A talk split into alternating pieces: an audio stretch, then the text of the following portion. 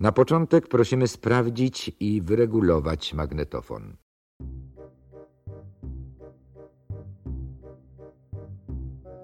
Widziałem dzisiaj Krzysztofa Bosaka, uścisnąłem mu rękę i powiem ci, że bardzo, bardzo sympatyczny gościu. Naprawdę skromność od niego bije. Y, I też była policja. Policja, opowiadam to też nie tylko ze względu na to, że widziałem Krzysztofa Bosaka na żywo pierwszy raz w życiu, ale też dlatego, że była wokół policja, a my o policji lubimy rozmawiać. Tak. I policja ostrzegała, mówiła proszę się rozejść, niech będą odstępy. Ludzie oczywiście Krzysztofa Bosaka dbali o to, żeby odstępy były. Jednak e, ci niebezpiecznie się momentami zbliżali, oczywiście obserwowali i kilkoro osób y, spisali. Albo wlepiali mandaty, albo spisywali, więc y, ja myślę, że to odgórny rozkaz, y, bo policjanci w Sopocie, bo mówimy tutaj o Sopocie, nadgorliwi aż tak bardzo nie są. Jak ja ostatnio szedłem sobie z maską ogrzewającą brodę i paliłem papierosa, no to policjant nic nie zrobił, a mnie mijał. Też ci opowiadałem ostatnio, że jakieś dwa odcinki temu, że wpadłem prawie na sukę, nie? Policyjną. No tak, pamiętam. I też nic nie zrobili, więc ciekawe, bardzo ciekawe, chociaż no, nie było takiego jakiegoś stresu, jednak obserwowali. Te radiowozy były chyba dwa czy jeden, takie te duże radiowozy, więc mamy już wstęp za sobą, rozkręciłem się i zaczynamy. Szanowni Państwo, witam w kolejnym odcinku podcastu Votum. Jest to już czwarty odcinek i w czwartym odcinku poruszymy kilka ważnych tematów, a rozmawiać i omawiać, komentować będą dla Państwa Grzegorz Gawin. i Łukasz Kopczyk. Dzisiaj porozmawiamy m.in. o głosowaniu nad wotum nieufności dla Jacka Sasina. Niefortunna nazwa wotum nieufności. Słuchają Państwo wotum, ale mówimy o wotum nieufności dla pana Jacka Sasina, więc y, też sobie o tym porozmawiamy. Poruszymy temat y, wspólnej drogi PiS i Lewicy, czyli poprawki do tarczy 4.0. Niebezpieczna sytuacja z Januszem Korwin-Mikkem y, w roli głównej i Lewicą. I czwarty temat, czyli Krzysztof Bosak rusza w trasę. Teraz Grzegorzu, powiedz mi, y, jaki temat wybierzemy? Myślę, że możemy iść swobodnie po kolei zacząć od Jacka Sasina. E, jako, że wiadomo, nas, nasz podcast nazywa się Wotum, więc e, najlepiej byłoby zacząć od Wotum Nieufności. Tutaj temat jest bardzo ciekawy, jeżeli chodzi o e, Jacka Sasina, bo już od dawna mówi się o skierowaniu sprawy do prokuratury mm, ze względu na to, że wydrukował karty do głosowania bez e, tak na dobrą sprawę ustawy, która pozwalała mu na to, co jest bardzo ważne w tym temacie i co tak naprawdę powoduje, że te zarzuty mogą być ewentualnie mu postawione. W końcu prawnicy się na ten temat wypowiadali. Dodatkowo akcje spółek Skarbu Państwa idą mocno w dół, więc e, czy wartość tych spółek, co też pokazuje, że mm, Jacek Sasin nie do końca dobrze odnajduje się w roli ministra aktywów państwowych. E, Najlepiej to obrazuje wszystko, gdy mówił on, że wybory 10 maja na 100% się odbędą, że on jest przekonany, że te wybory się odbędą. Nawet nie czekali na ustawę, którą, e, którą Senat, jakby to powiedzieć, zwrócił do Sejmu bardzo późno, co też jest e, według mnie trochę haniebne, jeżeli chodzi o zachowanie Senatu. Ale, ale jednak e, swoje karty drukował bezprawnie, więc skoro drukował bezprawnie, złamał prawo, naraził budżet Skarbu Państwa na straty, bo to były straty rzędu kilkudziesięciu milionów złotych. Może i w ogólnym rozrachunku, jeżeli chodzi o budżet Skarbu Państwa, nie jest to zbyt dużo, ale jednak to są pieniądze podatników i powinien z nimi zdecydowanie lepiej się obchodzić. Niestety jednak e, PiS e, swoją większością sejmową odrzucił e, ten wniosek o wotum nieufności, więc Jacek Sasin nie musi się martwić. On był teraz na, jak to się mówi, pracy zdalnej, więc z domu sobie swobodnie obserwował, co się w Sejmie dzieje. I myślę, że z pełnym spokojem też obserwował te głosowanie, wiedział, że koledzy nie dadzą mu nic strasznego zrobić i może dalej pełnić swoje obowiązki jako ministra aktywów państwowych. Jeżeli chodzi o Jacka Sasina, to tutaj za wiele nie ma co dodawać oprócz jednego faktu. W latach 95-98 e, był członkiem, pracownikiem e, Stowarzyszenia Pojednania Polsko-Niemieckiego. Takie stowarzyszenia nie powstają przypadkiem i zawsze mają służyć jakiemuś celowi. W tym przypadku nie wiemy, jakie były cele yy, działalności Jacka Sasina w tym stowarzyszeniu yy, i dlaczego o tym mówię. Jacek Sasin zlecił druk kart yy, wyborczych firmie niemieckiej. Nie pierwszy raz ta firma już drukowała wcześniej też innego rodzaju dokumenty wagi państwowej, jak na przykład egzaminy dla uczniów. I tutaj ta współpraca Jacka Sasina z firmą y, niemiecką działającą na ziemiach Polski, myślę też nie jest przypadkowa. Y, dodać jeszcze należy, że Jacek Sasin to człowiek bez zwątpienia butny. I nie chodzi tutaj o przypisywanie mu serii przymiotników, które będą po prostu opisywały jego naturę w sposób negatywny, pejoratywny, lecz y, żeby określić jasno jego zachowanie, bo kto realizuje tego typu zadania, jak na przykład druk kart bez y, wymaganej ustawy, kto ma prawo za nic, w ogóle nie obawiając się konsekwencji. No tylko ktoś, kto jest butny i ktoś, kto wie, że nic mu nie grozi. Więc tutaj jest tak, jak powiedziałeś, Grzegorzu, że wiedział, że koledzy z PiSu nic mu tak naprawdę e, nie zrobią i że wymiar sprawiedliwości go nie dosięgnie. Tylko tyle mam do powiedzenia i tutaj bym e, skłonił się ku temu, zachęcił nawet słuchaczy, aby przyjrzeli się y, nad y, tym, że Jacek Sasin w takim stowarzyszeniu był w latach 95-98 i że druk tych kart, o których teraz jest głośno i o których było głośno, zlecił właśnie niemieckiej firmie. Myślę, że to nie jest przypadek, że jakieś powiązania być muszą, no bo przypadków tak naprawdę nie ma. Ja jeszcze bym się wtrącił, bo Słucham. E, co do Jacka Sasina, to jest jeszcze jeden bardzo ważny wątek, co mi się bardzo podobało w kontekście całej tej sprawy, jeżeli chodzi o zamieszanie związane z kartami wyborczymi. Bo nie wiem, czy pamiętasz, ale była taka sytuacja, gdzie Jacek Sasin mówił, e, że on nie jest w ogóle odpowiedzialny za drukowanie kart wyborczych, że tak naprawdę jemu to zlecił premier, że on w sumie to tak na dobrą sprawę on nic złego nie zrobił, to jest pierwsza kwestia. A druga jeszcze jest kwestia taka, że pomimo tego, że PiS e, przegłosował ustawę o tym, że mogą nowi kandydaci się dopisywać do wyborów, tak, czego jesteśmy świadkami, zamiany Kidawy Błońskiej na Trzaskowskiego, e, to jeszcze stwierdził, że to jest wina w ogóle opozycji, że wykorzystali prawo uchwalone przez PiS do tego, żeby zmienić kandydata, i stwierdził, że to jest wina Platformy, że zmienili kandydata, więc karty są nieważne, więc to w sumie oni powinni ponieść konsekwencje związane z tym, że te karty poszły na, tak naprawdę do spalenia, tak? Więc e, tu też warto się przyjrzeć temu tematowi jako całości, tak? Spojrzeć szeroko na cały kontekst tego tematu. Bardzo dobrze, yy, że zwracasz na to uwagę. Szczerze przyznam, że mnie to umknęło. I jeżeli już idziemy w tym kierunku rozważań naszych i komentarzy i opinii, to popatrz. PiS dał wolną drogę Platformie Obywatelskiej, bo bez wątpienia ten przepis uchwalony był y, mrugnięciem w stronę Platformy. Platforma wystawia Trzaskowskiego i sondaże się zmieniają, no bo Krzysztof Bosak y, by wtedy był na drugim miejscu, tak? Bo Kidawa odchodzi, i kto wtedy byłby na drugim miejscu? No wtedy no, Szymon Hołownia. Szymon Hołownia y, myślę, że traciłby, bo on był pompowany przez y, reklamy na Facebooku.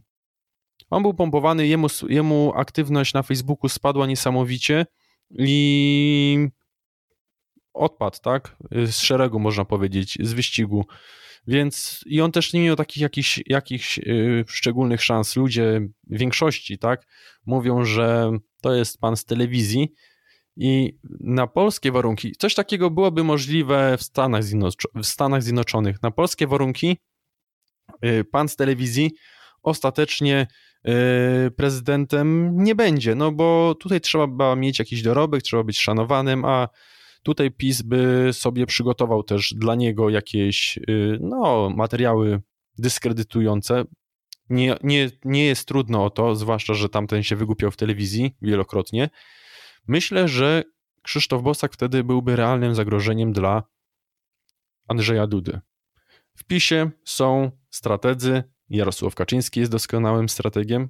Być może, nie wiem, być może tak właśnie zrobili, że uchwalimy przepis który um, umożliwi y, wymianę kandydat, kandydatki Platformy na kandydata.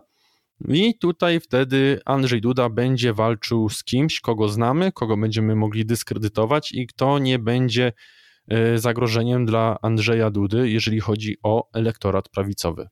Tak sobie myślę. Oczywiście mogę się mylić, nie będę się przy tym jakoś specjalnie upierał, no ale nie uchwala się przepisów, Y, specjalnie tylko po to, żeby były uchwalone, tylko uchwala się je w jakimś celu. Ten przepis, o którym wspomniałeś, na który zwróciłeś uwagę, za co jestem Ci wdzięczny, y, z jakiegoś powodu był uchwalony, wprowadzony i być może też dlatego, że PiS wiedział, to jest jeszcze jest druga opcja, albo obie opcje są możliwe, tak? Dwa powody były tego wprowadzenia nowego przepisu. Jednak PiS Y, mógł, to jest druga możliwość, PiS mógł wprowadzić ten przepis, dlatego że wiedział, że Platforma wprowadzi nowego kandydata, wymieni sobie kandydatów, no i wtedy karty trzeba wyrzucić. Jacek Sasin jest niewinny, a wszystkiemu winna jest Platforma. Więc tutaj, tak jak ty powiedziałeś, jest ta opcja możliwa, jednak ta pierwsza też wydaje mi się bardzo rozsądna. A co ty o tym sądzisz? A ja mam właśnie jeszcze trzecią teorię, Dajesz. E, która jakby to powiedzieć e, mogłaby wskazywać na to, że obie te partie, czyli Prawo i Sprawiedliwość, tak jak i Platforma Obywatelska, nie mogą żyć bez siebie. Wiem, że to brzmi śmiesznie, patrząc na medialne wojenki, tak? gdy widzimy, że PO cały czas obwinia PiS za wszystko, PiS obwinia e, opozycję za wszystko, co tylko jest możliwe ale tak naprawdę bez silnej platformy nie ma silnego PiSu, więc gdyby e, Szymon Hołownia przejął sporą, e, przejął sporą część elektoratu Kidawy Błońskiej, a później założył jakiś swój ruch polityczny czy społeczny, wtedy mm, od platformy odchodzi spory elektorat. I w tym samym czasie e, PiS traci swojego największego wroga. Już nie będą mogli się aż tak mocno mm, nie wiem, porównywać do platformy, w momencie, kiedy platforma będzie miała małe znaczenie, jeżeli chodzi o polską politykę. W momencie, kiedy e, te znaczenie jest spore, cały czas trwa ta wojenka medialna, która sprzyja tak naprawdę obu partiom, bo najłatwiej jest sobie zrobić wroga, podzielić społeczeństwo, tak przyjmijmy na pół, e, i tak naprawdę się bić o to, żeby nic się nie zmieniło, e, gdy mówi się, że będą tak wielkie zmiany. Przecież pamiętamy nawet w 2015 roku jednym z kluczowych e, postulatów PiSu czy haseł przed wyborami było to, że wsadzą polityków Platformy do więzienia za, za wszystkie te ich machloje, afery, za to, co złego zrobili dla kraju. A teraz po tych pięciu latach możemy sobie prześledzić e, wszystkie wątki, wszelkie sprawy, które mogły się przecież odbyć przez te pięć lat i dobrze będziemy wiedzieć, że ilość e, polityków Platformy, którzy poszli siedzieć. Mówimy oczywiście o tych ważnych, nie mówimy o jakichś tam e, naprawdę nieistotnych osobach. E, to jest po prostu zero, najzwyczajniej w świecie, więc jak to się mówi, ręka rękę myje, a wroga trzeba mieć, żeby swój elektorat bardziej mobilizować. Ale to jest po prostu moja opinia. Może ona nie jest poprawna, może ktoś ma jeszcze jakieś inne wątki, które można swobodnie poruszyć, co też do czego też zachęcamy słuchaczy w komentarzach i może po prostu nam coś umknęło najzwyczajniej w świecie. To jak, ty, to jak ty zachęciłeś słuchaczy do komentowania, do wyrażania swoich opinii, to ja jeszcze zachęcę, żeby kliknęli przycisk obserwuj, jeżeli nas słuchają na Spotify i innych platformach podcastowych, bo owszem, można nas słuchać jak prawdziwego podcastu, ale też można nas słuchać na YouTubie i wtedy zachęcamy do subskrybowania naszego kanału i kliknięcia w dzwoneczek dodatkowo, aby być na bieżąco. A wracając do tematu, y, który tutaj nam się rozrósł pięknie, ja się z Tobą zgadzam. Media przez wiele lat pracowały na polaryzację sceny politycznej. Jest PiS i PO i nic poza tym. Do Sejmu weszła ideowa prawica, chociaż mam nadzieję, że już wkrótce nie będziemy musieli mówić ideowa prawica, tylko po prostu prawica, bo PiS zniknie y, i po odejściu Kaczyńskiego będzie partią marginalną, być może się rozsypie. Y, I jeżeli PiS zniknie, jeżeli y, zniknie PO, tak, jako takie, jako główni gracze, to wówczas ta polaryzacja zostanie zachwiana, no bo będzie PO jako mniejsza partia, do czego już PO tak naprawdę dąży, y, zmierza, to jest lepsze słowo, zmierza do tego, do, zmierza do upadku, no i będzie lewica, będzie prawica, czyli konfederacja i będzie PiS. Do, do tego dochodzą jeszcze kukizowcy, którzy gdzieś po środku. Yy, i jeszcze jest Gowin, tak, yy, pan bez kręgosłupa ze swoją świtą, gdzie też są podziały w tej samej świcie, bo jedni popierają Gowina, drudzy nie.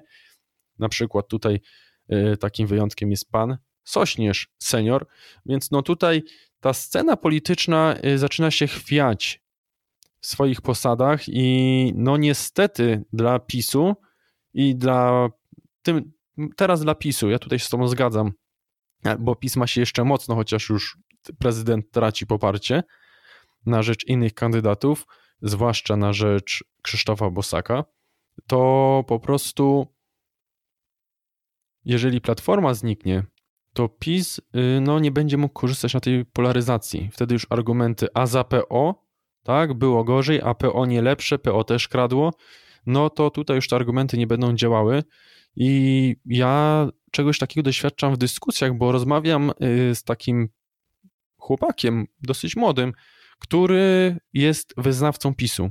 Można powiedzieć bez dwóch zdań wyznawcą, bo na każdy argument ma A za PO, ma odpowiedź A za PO.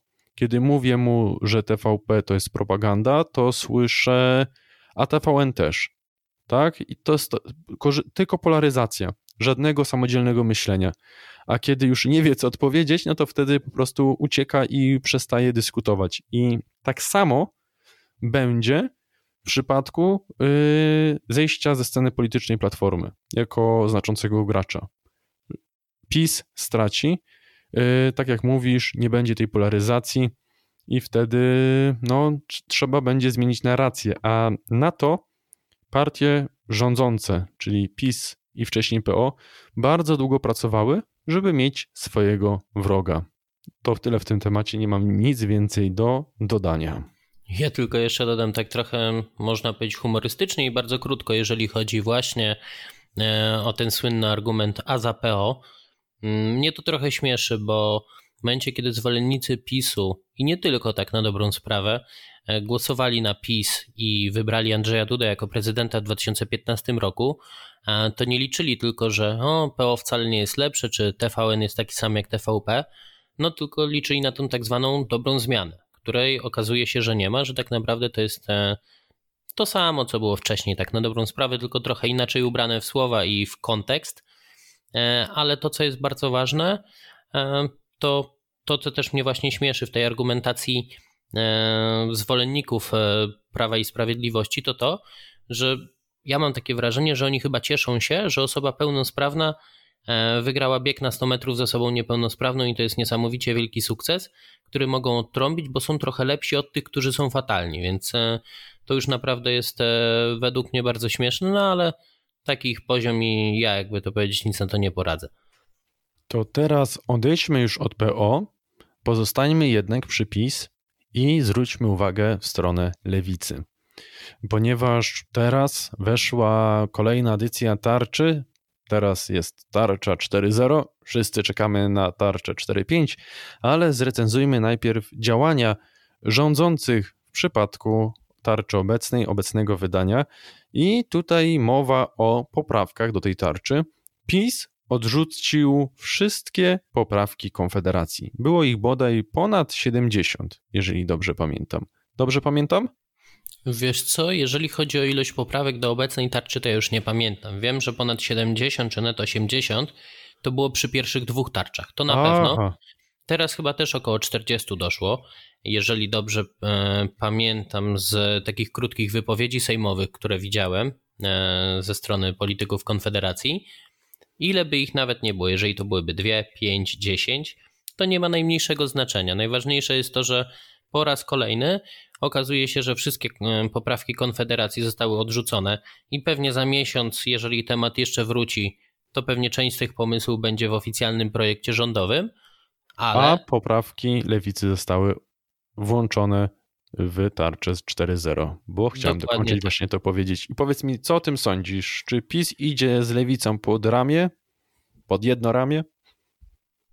Znaczy, tak naprawdę jedna różnica pomiędzy tymi dwoma partiami jest taka, jak kiedyś to fajnie zrecenzował Stanisław Michalkiewicz, e, mówiąc, że jedni to są socjaliści pobożni, czyli tacy z krzyżem w zębach, a drudzy są bezbożni, tak? Czyli tak na dobrą sprawę różnica pomiędzy tymi dwoma obozami, czyli w tym przypadku pomiędzy Prawem i Sprawiedliwością, a ogólnie lewicą, mm, to jest po prostu podejście do wiary, do chrześcijaństwa i do, e, i do kościoła, może tak jako ogół. Mm, jeżeli chodzi o sprawy gospodarcze, dużo się nie różnią, tak? Ponieważ jedni podwyższają zasiłek dla bezrobotnych, drudzy również by to bardzo chętnie zrobili. E, jedni wprowadzają 500, drudzy też bardzo chętnie by to zrobili. Jedni mówią o budowie 100 tysięcy mieszkań, drudzy też bardzo często wspominają, że państwowe firmy powinny zająć się budową mieszkań, które będą dla obywateli. Jedni chcą e, tworzyć, tak jak teraz e, ten nowy pomysł PiSu powstał, te państwowe sieci sklepów, drudzy również by chcieli, żeby państwo coraz większą władzę miało nad wszelkimi rynkami, bo tak to można nazwać. Więc tak naprawdę te dwie partie dużo się nie różnią. To jest tylko przekaz medialny, że PiS to jest ta prawica, taka wielka chrześcijańska, która e, będzie broniła konserwatywnych wartości, a lewica jest e, po prostu e, ich przeciwieństwem. A tak naprawdę w rzeczywistości wychodzi to tak, że te dwie partie więcej cech łączy niż dzieli. Jeżeli chodzi o cechy, które łączą i dzielą PiS i lewicę, to w internecie jest taki test na poglądy polityczne i ten test pomaga określić, na kogo powinniśmy głosować, jeżeli chodzi o partię polityczną. Czyli jaką partię polity, jaka partia polity, jakiej partii politycznej jest nam, do jakiej partii politycznej jest nam najbliżej, tak powinienem powiedzieć. I ja sobie taki test zrobiłem, ale postanowiłem wcielić się w wyborcę PiS. Rozwiązałem test, Dobrze się wcieliłem, bo propozycja wyszła mi Prawo i Sprawiedliwość i tam jest później podział wolność i komunizm. Mniej więcej taki podział. Na pewno znajduje się komunizm. Już nie pamiętam do końca, bo to już jakiś czas temu było. Wyszło mi ponad 50% komunizmu w moich poglądach. I po prostu wysłałem ten test mojemu już tutaj dzisiaj wspomnianemu znajomemu, który jest wyznawcą PiSu, żeby sobie ten test też zrobił co usłyszałem? Nie lubię tego testu, bo wychodzi tam, że popieram komunizm. Mniej więcej taki test, y, tekst usłyszałem.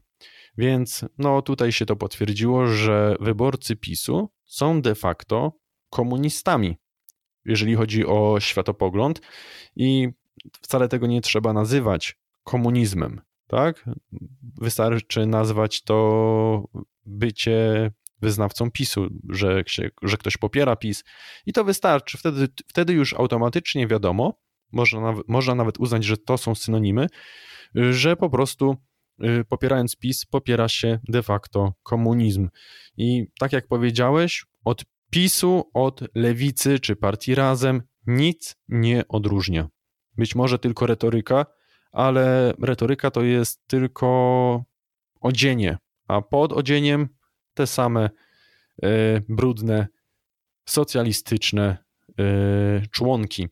Jeżeli natomiast chodzi o działania jeszcze e, PiSu, jeżeli chodzi o poprawki, no to przypomnij, przypomnijmy, że jedna z poprawek mówi o tym, że prezesi zarządów i w ogóle członkowie zarządów, z tego co kojarzę, y, maksymalną pensję mogą pobierać y, w wysokości czterokrotności pensji średniej, tak? Dobrze mówię?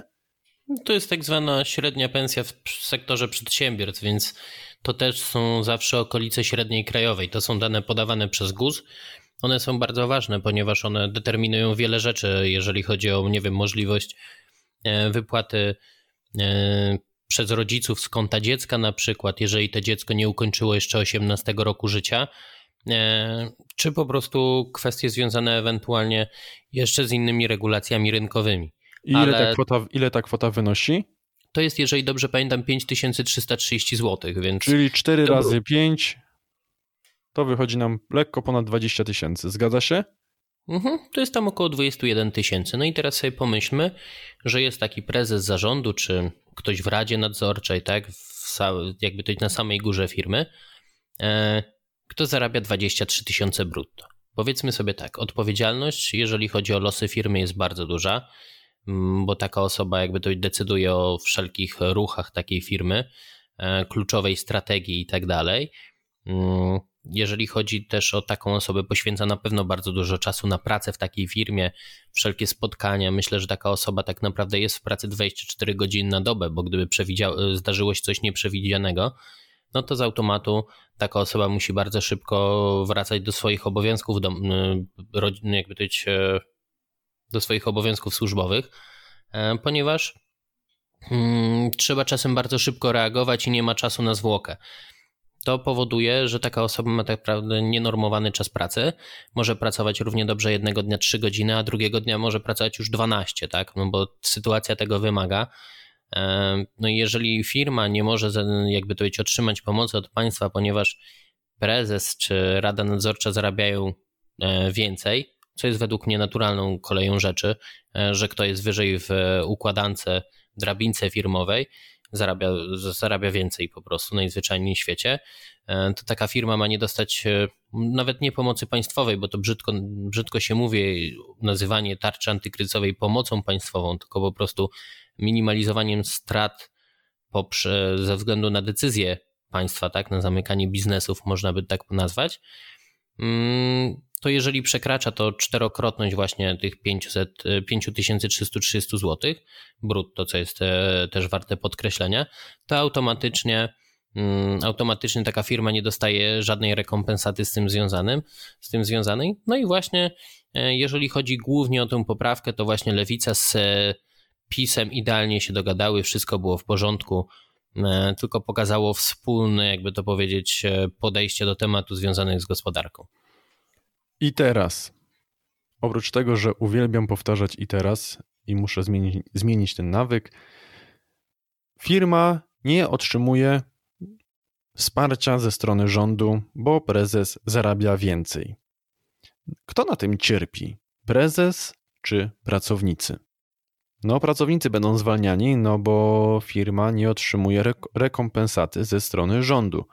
Yy, tutaj jeszcze jest jedna taka rzecz, ponieważ socjaliści, komuniści i wszyscy, co są z lewej strony, mówią, że, no i w tym też wyborcy PiSu mówią, że wolnościowcy domagają się teraz pomocy ze strony państwa, a y, tak to są za wolnością, żeby państwo się nie wtrącało y, w przedsiębiorczość, tak, w rynek. No tutaj chodzi o to, tak tylko wyjaśnię, tutaj chodzi o to, że przedsiębiorcom przede wszystkim zależy na tym, żeby państwo nie wtrącało się w ich działania. Niestety, państwo w te działania się wtrąciło, zabraniając handlowania, prowadzenia biznesu bardzo wielu firmom z powodu rzekomej pandemii koronawirusa. Podkreślam, rzekomej pandemii, bo co roku też mamy w takim razie pandemię grypy i tak dalej. Wiemy o co chodzi. I tutaj nie chodzi o to, że ktoś potrzebuje pomocy, tutaj należy się rekompensata za to, że państwo przeszkodziło, wstrzymało prowadzenie biznesu. Więc tutaj też pamiętajmy o tym, że na końcu nie ucierpią prezesi, którzy mają dużo pieniędzy i którzy sobie nie obniżą tych gaż, po prostu ucierpią na tym pracownicy. Tak? Bo to oni są na pierwszej linii frontu. To tyle z mojej strony w tym temacie, ale oczywiście lewicowcy y, wszelkiej maści, którzy popierają i PiS, i lewicę, i partię razem, będą się cieszyć, że źli ludzie w zarządach, wyzyskiwacze, prywaciarze nie otrzymają pomocy ze strony państwa, no bo przecież yy, po co mają otrzymywać, skoro tak dużo zarabiają. Ale nikt nie myśli już o tych pracownikach, którzy zarabiają te kilka tysięcy miesięcznie i muszą sobie radzić w tych trudnych czasach, gdzie ceny rosną wręcz nieproporcjonalnie do sytuacji na rynku. A to tylko dlatego, że PiS podnosi podatki. To jest jedna kwestia, że podnosi podatki, ale drugą jest to, że e, szaleje do dróg pieniądza. Jeżeli szaleje do dróg pieniądza, no to naturalnym też jest, że inflacja idzie w górę. Jeżeli inflacja idzie w górę, no to wiadomo, że e, powoduje to wzrost, e, wzrost cen, czy to usług, czy żywności, czy wszelkich innych, jakby to powiedzieć, gałęzi gospodarki, a może też tak to nazwę. Więc, więc to, co się dzieje na rynku, jest, jest całkowicie naturalną rzeczą. Jeżeli jest pusty pieniądz na rynku, to wiadomo, że e, traci on na wartości, więc ceny muszą być wyższe, żeby jakby to wyjść na zero. Jeszcze co do tych prezesów e, firm i tak dalej, do tych zarządów, to co jest bardzo ważne, to to chociażby, że oni i tak sobie zdążą odłożyć te pieniądze w trakcie tej prezesury. Oni mogą zarabiać przykładowo 20 czy 30 tysięcy, oni 10 miesięcznie mogą sobie odłożyć, tak powiedzmy luźno, lekką ręką, może tak powiem, mogą sobie odłożyć. W przypadku Szarego Kowalskiego, który mm, ma przykładowo kredyt hipoteczny mm, i zarabia 4,5 tysiąca złotych, no to już tak przyjemnie nie jest i on tak dużo sobie nie odłoży, a w momencie, kiedy zostanie zwolniony, to automatycznie on najwięcej traci, bo on będzie miał, jakby powiedzieć, najmniej czasu na znalezienie nowej pracy, a wiadomo, że sytuacja na rynku teraz nie jest taka kolorowa i tak szybko jej nie znajdzie, e, jeżeli nie jest naprawdę wykwalifikowanym pracownikiem, bo rzadko która firma szuka teraz e, dużej ilości pracowników, którzy mogą rzeczywiście mm, szybko przejść z tego tak zwanego bezrobocia do e, aktywności zawodowej. To jest, to jest też bardzo duży problem. I bardzo śmiesznie to brzmi, gdy czy to PiS, czy Platforma, czy Lewica mówią tyle o poszanowaniu godności pracownika, żeby było im jak najlepiej, a koniec końców większość ich decyzji powoduje to, że tym pracownikom jest gorzej, bo wtedy każdy przedsiębiorca będzie próbował tak obejść te przepisy, że koniec końców odbije to się na pracownikach, a nie właśnie na prezesach też. E, to jest bardzo ważne to, o czym wspomniałeś w tym temacie. Lewica ja tak tylko jeszcze dodam, lewica w ogóle nie ma pojęcia, w ogóle etatowcy i prosocjaliści nie mają w ogóle pojęcia o tym, jak wygląda rzeczywistość. Ta prawdziwa rzeczywistość, a nie ta, która majaczy się w ich głowach, żeby wszyscy mieli porówno. Rozmawiałem, rozmawiałem jakiś czas temu e, z, ze znaną młodą działaczką lewicy, która była na początku znana z tego, że wygłaszała kontrowersyjne poglądy na temat y, żołnierzy niezłomnych, na temat żołnierzy wyklętych i z tego, że fotografowała się z Leszkiem Millerem. I ta lewicowa działaczka, y, kiedy usłyszała, ile moja babcia dostaje emerytury, no to ją zamurowało i już więcej nie poruszała tematu emerytur, no bo ona i członkowie jej rodziny y, tych emerytur, te emerytury u nich są o wiele wyższe.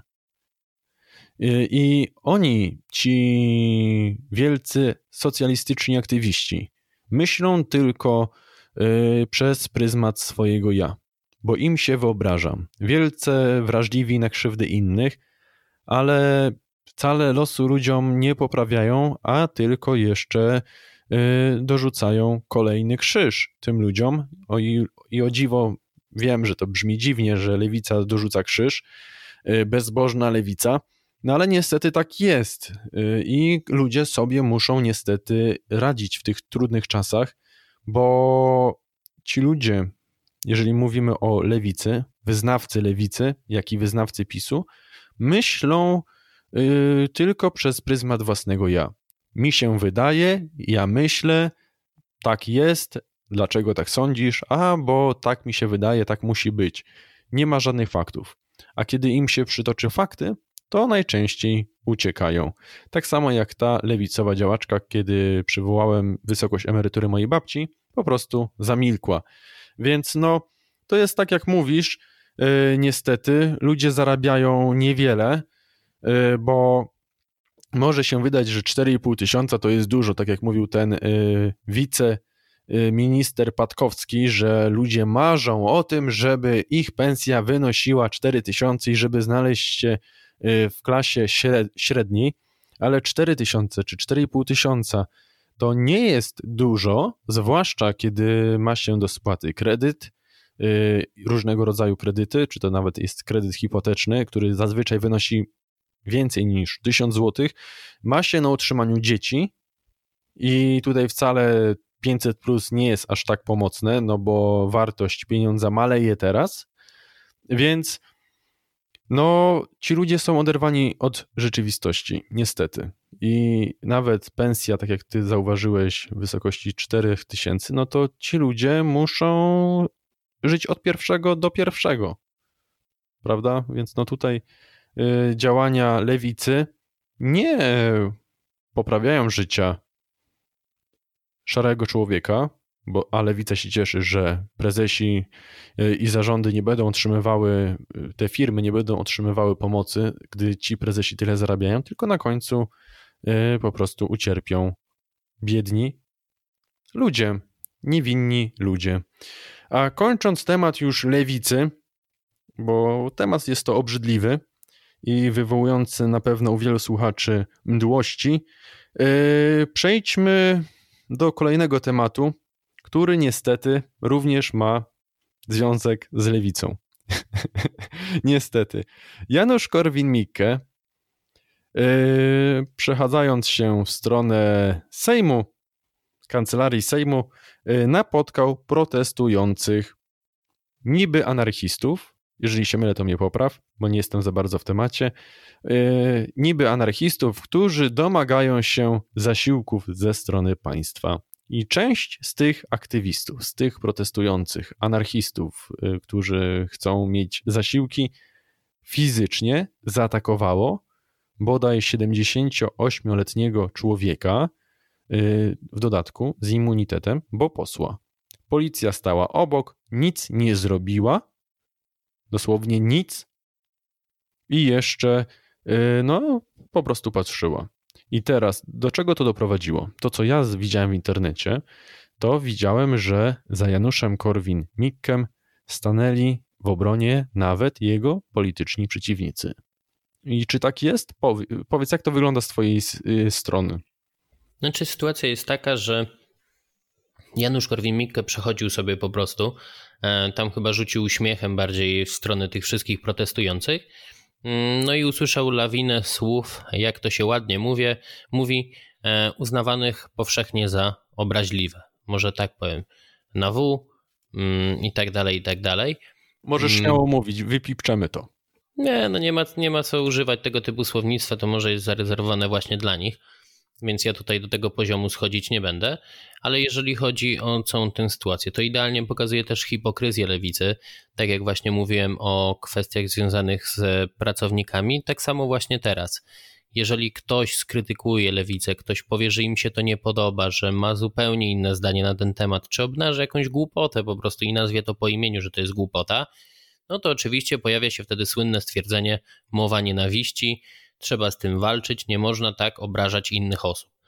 Natomiast w momencie, kiedy to ich przedstawiciele mm, uderzają jakby to w drugą stronę, właśnie czasem nawet wyzywając, e, rzucając e, naprawdę już e, wulgarnymi tekstami w drugą stronę, to już jest wszystko ok. To już nawet widziałem takie komentarze, że, że w sumie to za mało było, że w sumie to było za mało, że takiej osobie jak Korwin to powinno się jeszcze więcej zrobić, najlepiej go pobić, tak?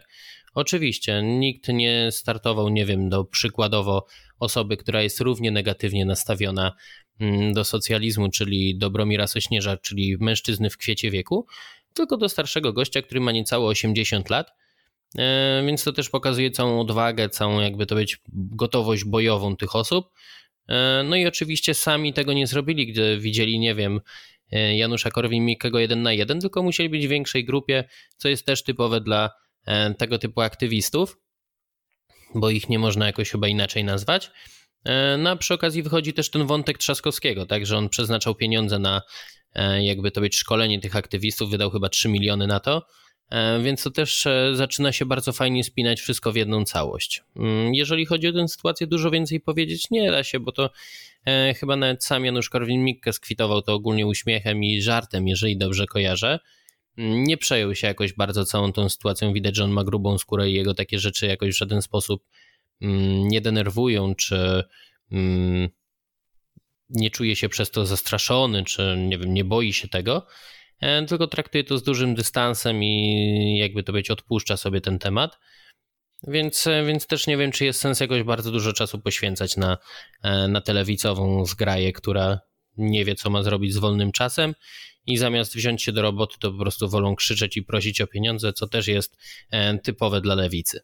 W przypadku zachowania lewicy tych skrajnej, tej skrajnej lewicy, tych anarchistów rzekomych wobec Janusza Korwin-Mikkego, możemy w tym zachowaniu zobaczyć, że ci ludzie nie mają, jak już zresztą sam zauważyłeś, nie mają żadnego pomysłu na siebie.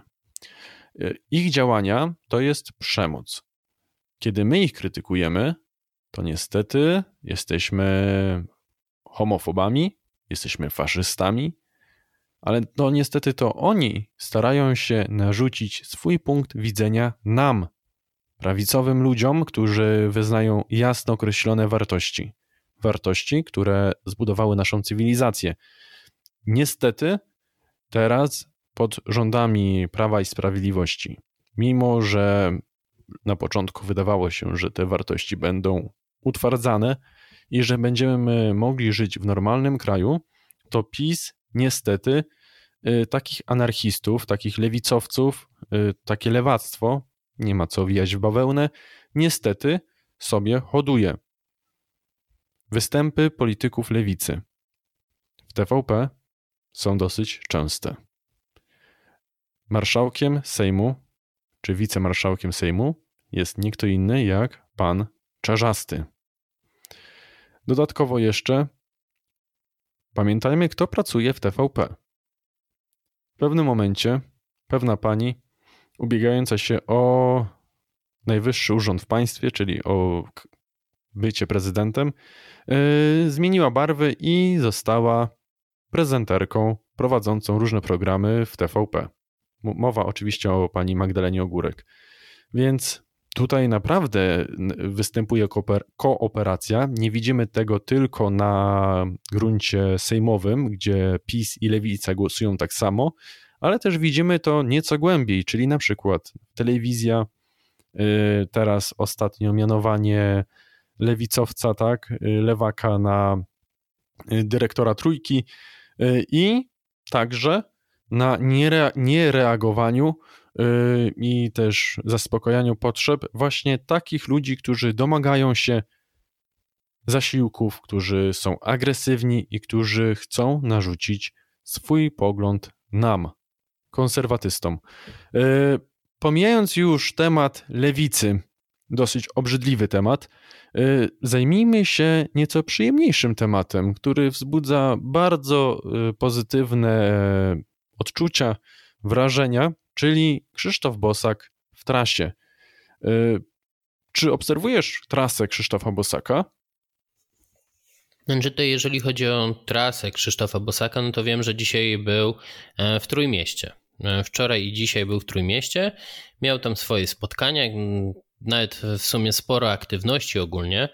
To, co mnie bardzo cieszy, to jest to, że w końcu powoli zaczynamy wracać do normalnej kampanii wyborczej gdzie polityk może dać się poznać, gdzie może spotkać się z ludźmi, e, gdzie może przedstawić swoje wartości, gdzie może swoje plany przedstawić na funkcjonowanie państwa, czy ogólnie na przyszłość. Więc to mi się bardzo podoba, że już takie spotkania są możliwe i w końcu dzieje się prawdziwa kampania wyborcza, bo wcześniej to, co było, nie wiem, jeszcze tydzień, dwa tygodnie temu, nie można było tego nazwać żadną kampanią wyborczą, bo ograniczało się tylko do konferencji prasowych, wystąpień w Sejmie i występach w telewizji. E, jeżeli chodzi o obecny moment, Teraz mamy już prawdziwą kampanię wyborczą, politycy mogą jeździć tak na dobrą sprawę po kraju, chociaż też nie do końca, bo przecież wybory nie są jeszcze rozpisane, więc nie można teoretycznie prowadzić kampanii wyborczej, ale zawsze to można sobie jakoś pominąć, że się realizuje, nie wiem, mandat posła i spotyka się ze zwykłymi ludźmi, więc spoko.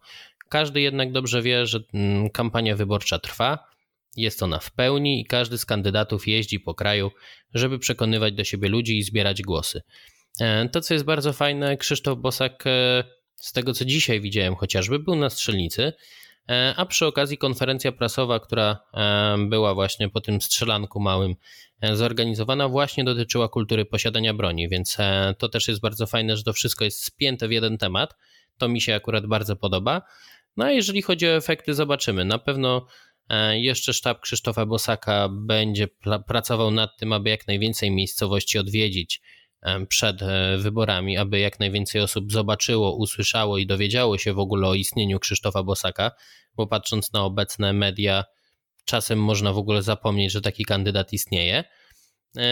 Więc, e, więc ja jestem bardzo zadowolony z tego tematu i mam nadzieję, że e, dalej będzie robił swoje, bo widać w sondażach wyborczych, że jego praca nie idzie na marne, tylko rzeczywiście te dodatkowe głosy zbiera i myślę, że też zabiera prezydentowi Andrzejowi Dudzie, któremu regularnie spada.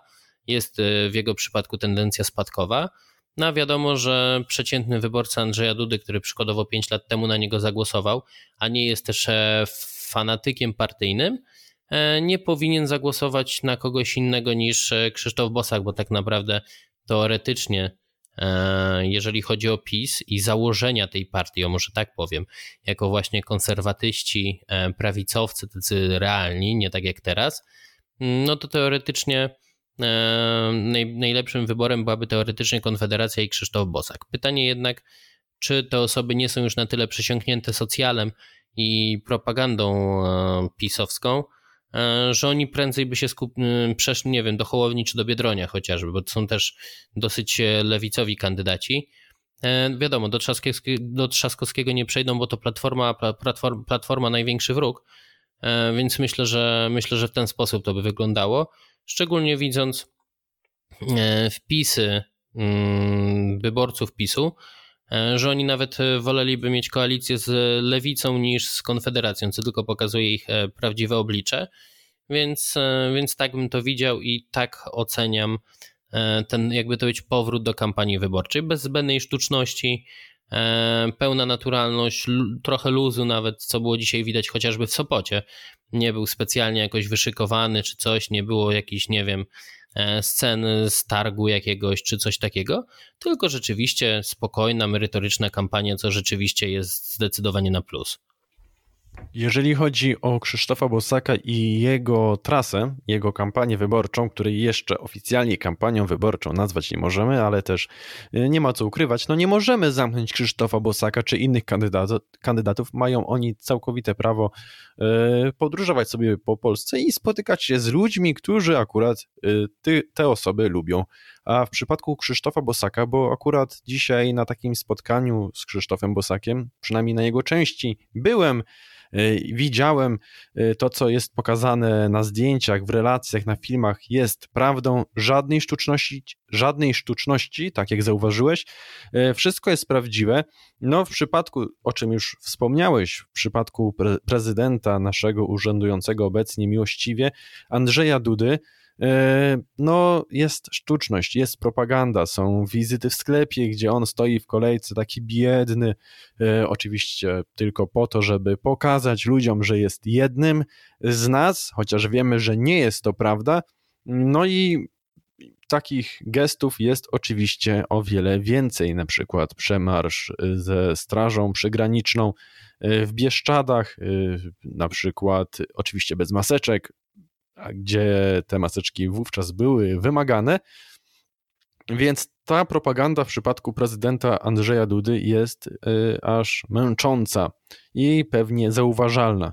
Jeżeli chodzi o Krzysztofa Bosaka, jest pełna naturalność i nie mam wątpliwości, że nawet kiedy zostanie prezydentem, a wierzę, że może zostać prezydentem, chociaż y, mogłoby się wydawać inaczej, nawet jeżeli nie teraz, to w przyszłości, to tutaj naturalność będzie zawsze.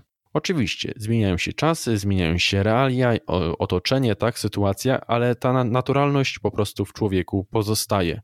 Y, I jeżeli ktoś gra, no to wówczas y, dalej też będzie grał, bo będą mu kazali, bo nie będzie umiał być sobą. Krzysztof Bosak potrafi się odnaleźć w wielu sytuacjach, wielu, z wielu tych sytuacji potrafi wyjść obronną ręką, na przykład tutaj taka sytuacja, kiedy Radosław Sikorski zaatakował yy, Konfederację, tak, i wtrążolił się na konferencję prasową Krzysztofa Bosaka, yy, w której też udział brał Dobromir, Dobromir Sośnierz, ale wracając do tematu głównego, czyli do trasy wyborczej de facto Krzysztofa Bosaka, no to bardzo mi się podoba działanie sztabu Krzysztofa Bosaka, bo my tych ludzi widzimy. Widzimy Michała Jelonka, który filmuje wszystko, który robi codziennie live z Anną Bryłką. Yy, widzimy zachowanie fotografa, który fotografuje, tak, przekazuje nam to pięknie yy, w formie zdjęć. Widzimy to wszystko. Widzimy tę naturalność. W przypadku prezydenta, czy znamy jego sztab tak naprawdę? No nie znamy. Tak, pierwszą damą jego sztabu była pani, jak ona się nazywała? Kuryło, czegoś tak, nie, nawet nie pamiętam.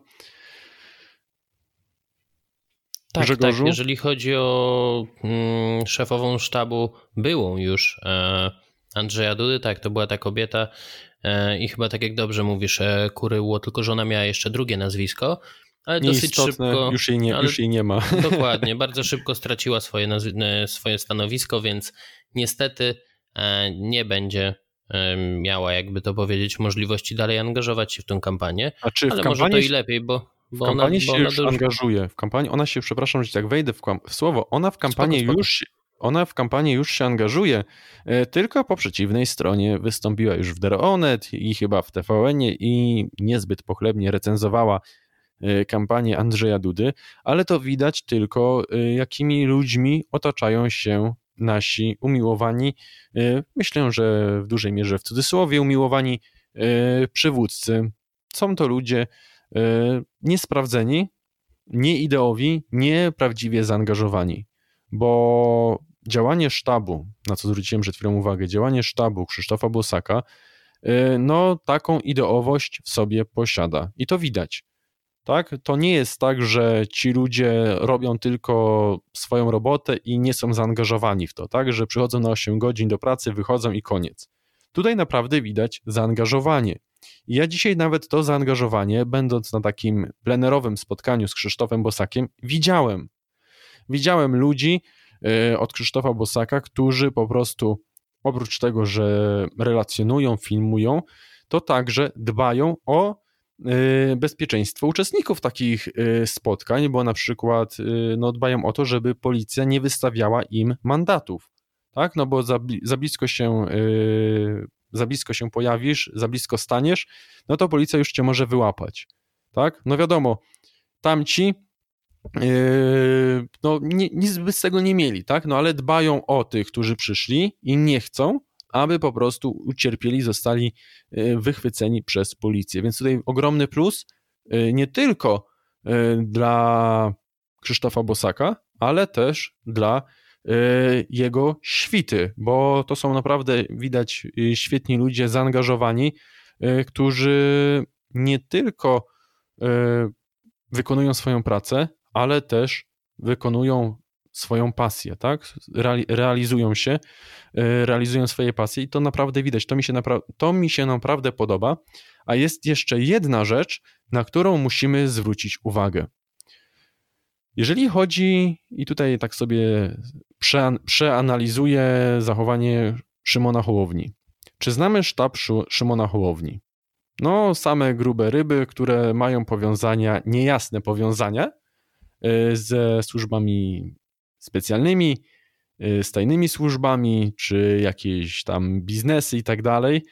A w przypadku Krzysztofa Bosaka takiego czegoś nie ma. Kolejny kandydat, Rafał Trzaskowski. Znowu, sama wierchuszka, nie? Czy tak, wierchuszka, czy wierszu, wierchuszka się mówi, tak? Dobrze mówię? Tak, dokładnie. Tak. Yy, postkomunistyczna. W przypadku prezydenta Dudy tak samo jakby nie patrzeć.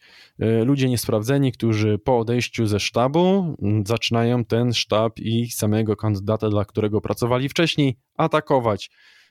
Kośniak-Kamysz, znasz kogoś? No ja nie znam, chociaż obserwowałem troszeczkę jego poczynania, jego kampanię wyborczą. No nie ma takiej naturalności, nie ma czegoś, nie ma tego żywiołu, tak? Nie ma tego nie ma tego takiego czegoś, tego flow. Clue, tego flow, tak, użyjmy angielskiego słowa, nie ma tej płynności, może tak powiedzmy. Yy, w przypadku Stanisława Żółtka, no to... Tej polskości jest wręcz aż za dużo chyba, że jego... mój, śmiech już, mój śmiech już jest komentarzem.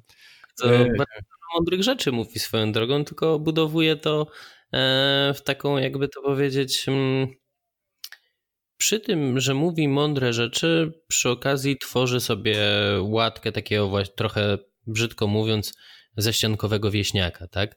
No e, tak, ale, ale mówimy też o jego kampanii wyborczej i tej kampanii wyborczej tak naprawdę nie ma. No nie znamy jego sztabu wyborczego. Tam ma jakieś live'y czy coś. Widziałem nawet jeden z live'ów takich, yy, nawet chyba w pełni, yy, więc no nie jest to nawet tak dopracowane, tak? Yy, kamerzysta, jeżeli tak można powiedzieć, operator kamery ma lepszy dźwięk niż sam Y, Stanisław Żółtek przed kamerą, więc tutaj nawet takie drobne niedopasowania, niedopracowania, no ale no to tam nie ma tej kampanii tak naprawdę, no nie, nie znamy tego zespołu, nie ma tej naturalności, ale to, to mój śmiech niech będzie komentarzem do całej kampanii y, Stanisława Żółtka. Jeszcze jest chyba pan Mirosław Piotrowski, tak? No tak, i jeszcze zapomnieliśmy o jednej bardzo ważnej osobie, szczególnie w pewnym momencie, jeżeli chodzi o e, kandydatach. O kim? No, panu Jakubiaku. A, przepraszam, ale ten mój rechot też będzie komentarzem do pana Jakubiaka. No, nie widać jego kampanii. Podejrzanych, no nie ma w ogóle. No właśnie, w podejrzanych okolicznościach zdobył 100 tysięcy podpisów, gdzie różne pogłoski krążą, że to właśnie e, sympatycy PiSu zbierali dla niego podpisy, gdzie ludzie nawet chyba nawet nie wiedzieli, że podpisują się e, na rzecz e, Marka Jakubiaka.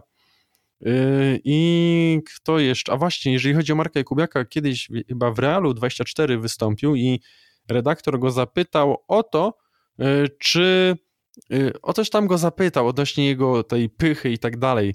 I on wtedy już nie wytrzymał, bo jemu bardzo wiele ludzi, bardzo wielu ludzi na to wychodzi, zwraca uwagę na jego pychę. No coś w tym musi być. No ale on dalej zaprzeczał ale jest taki pyszałkowaty, z całą sympatią, bo przedsiębiorcą i człowiekiem prywatnie może być miłym, no ale przedsiębiorca nie musi być e, dobrym politykiem. Tutaj akurat e, to on nie musi współgrać. Może, ale nie musi, e, bo to są całkowicie inne realia. Ale widziałeś coś u pana Mirosława, u pana Mirosława Piotrowskiego? No, oprócz oficjalnych spotów, które pojawiają się w telewizji publicznej, znaczy pojawiały, no to już trzeba użyć czasu przeszłego, bo nie ma nowych wyborów, więc e, Telewizja Polska nie ma już teraz obowiązku e, puszczania i transmitowania e, spotów wyborczych danego komitetu, to ja oprócz tych spotów, które były w telewizji, nie widziałem. Ja się tak naprawdę z telewizji dowiedziałem, że pan Piotrowski kandyduje w ogóle na urząd prezydenta, bo wcześniej nigdzie nie słyszałem o jego kandydaturze. Więc to jest, to jest ciekawa sprawa.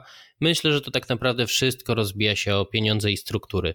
W momencie, kiedy tak jak Marek Jakubiak chociażby nie ma zbyt dużych struktur, no to wiadomo, że nie będzie prowadził regularnej kampanii wyborczej, bo to, do tego potrzeba po prostu ludzi, którzy pomogą, doradzą, e, zorganizują coś. Tutaj mm, same, jakby to powiedzieć, chęci nic nie dadzą. Jeżeli chodzi o pana Pietrowskiego, dokładnie taka sama sytuacja. Pan Żółtek, dokładnie taka sama sytuacja, więc, więc tutaj, e, tutaj, jeżeli chodzi o tych kandydatów, ja się nie dziwię, że kampanii nie ma. Pamiętajmy też, że jest jeszcze pan Tanajno.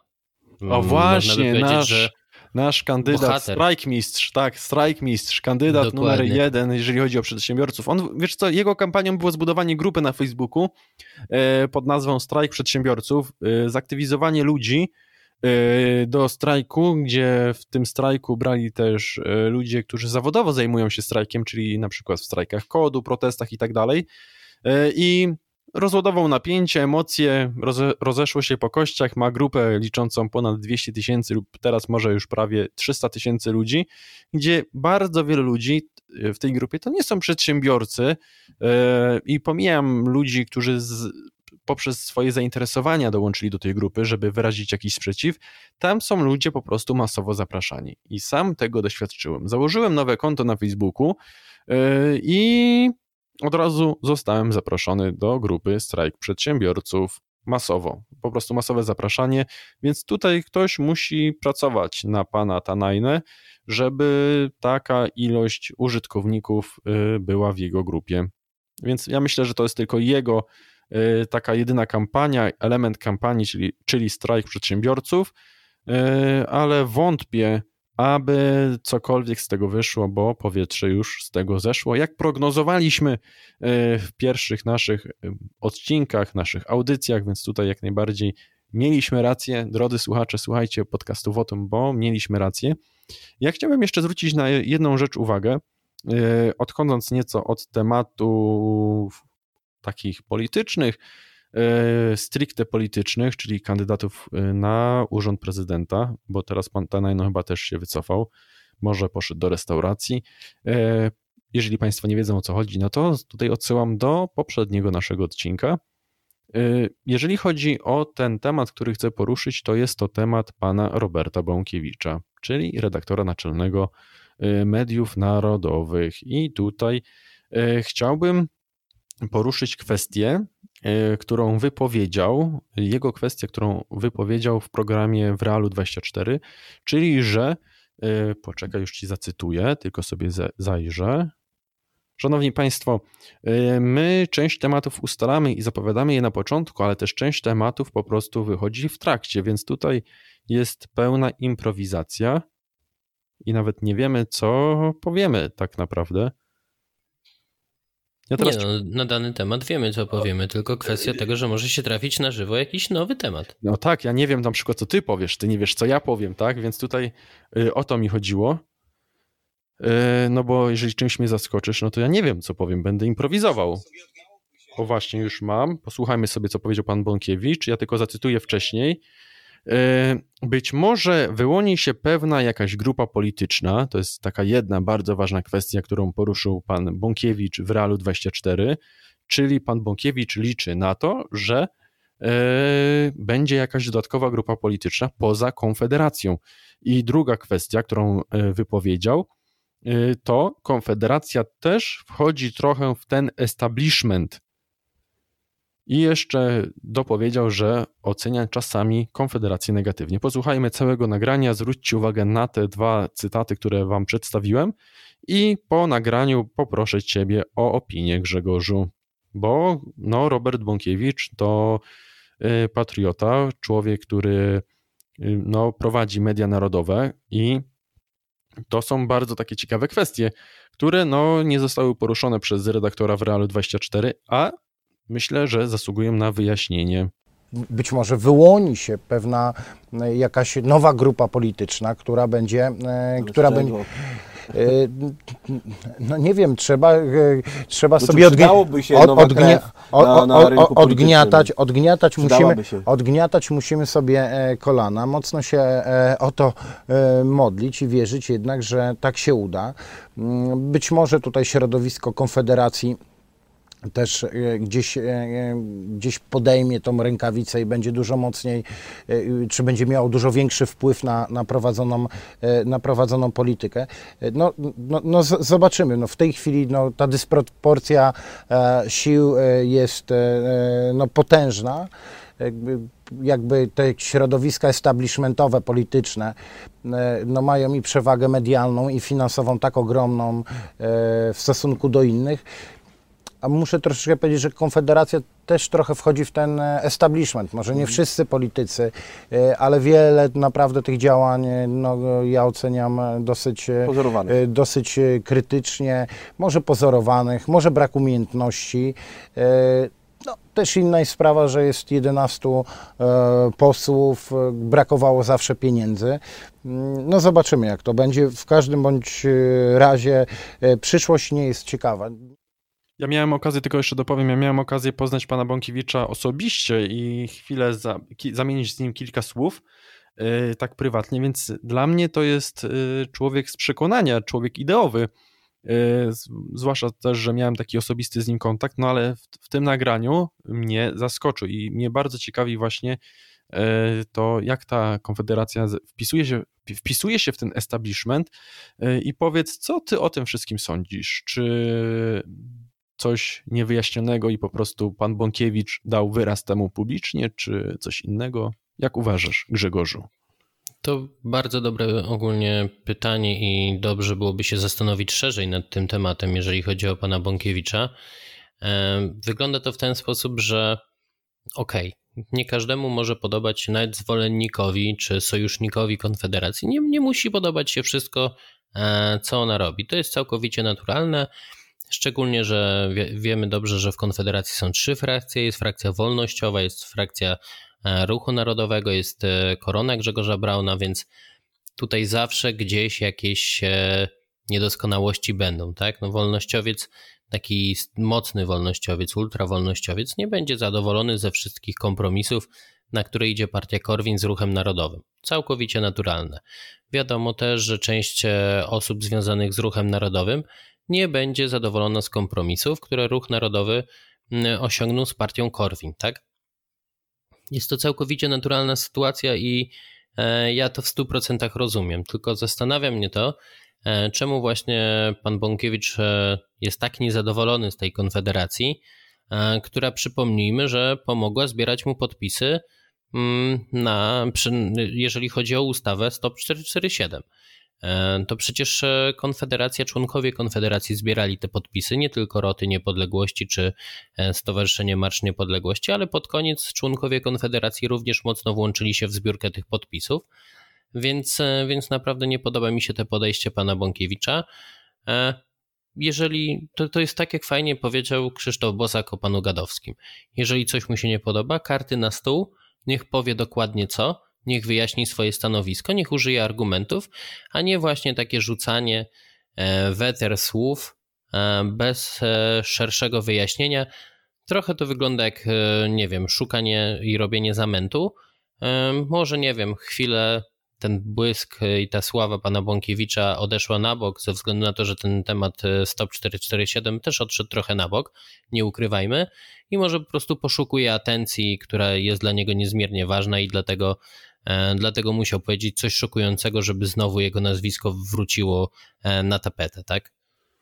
Znaczy, ja ci powiem tak, ja nie wiem, czy y, tym zwrócił swoją uwagę, bo nie zauważyłem, żeby ktokolwiek oprócz mnie zwracał na to uwagę. Być może ktoś to wychwycił, e, ale tak obserwując Twittera, no nie widziałem, żeby było o tym głośno, więc myślę, że to mu nie wyszło, jeżeli miał taki zamysł. Myślę, że to było mrugnięcie do Konfederacji.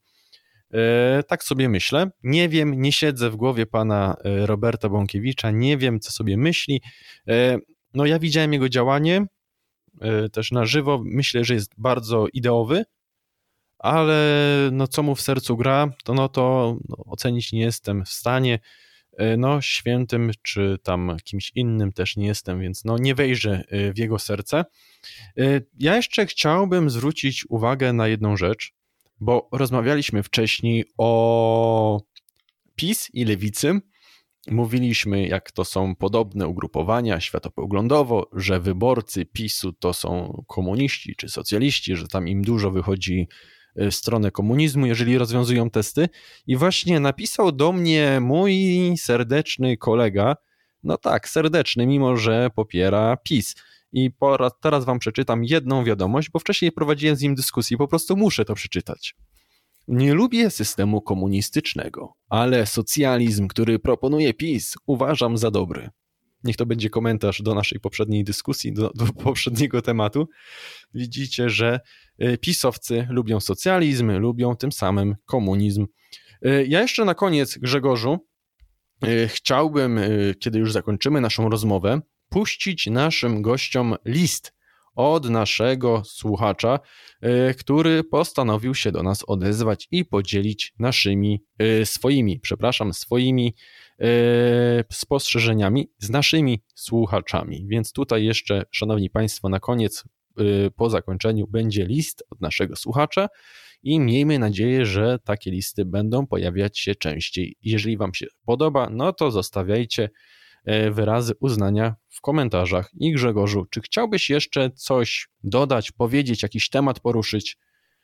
Jeżeli chodzi o tematy, myślę, że już e, wyczerpaliśmy e, wszelkie tematy. Ja tylko, jakby to powiedzieć, w tej końcowej części programu, jedyne co mm, chciałbym powiedzieć, to takim typowo YouTube'owym stylu, E, tylko powiem, że zapraszam do lajkowania, udostępniania i subskrybowania i oczywiście dziękuję za wszystkie łapki w górę.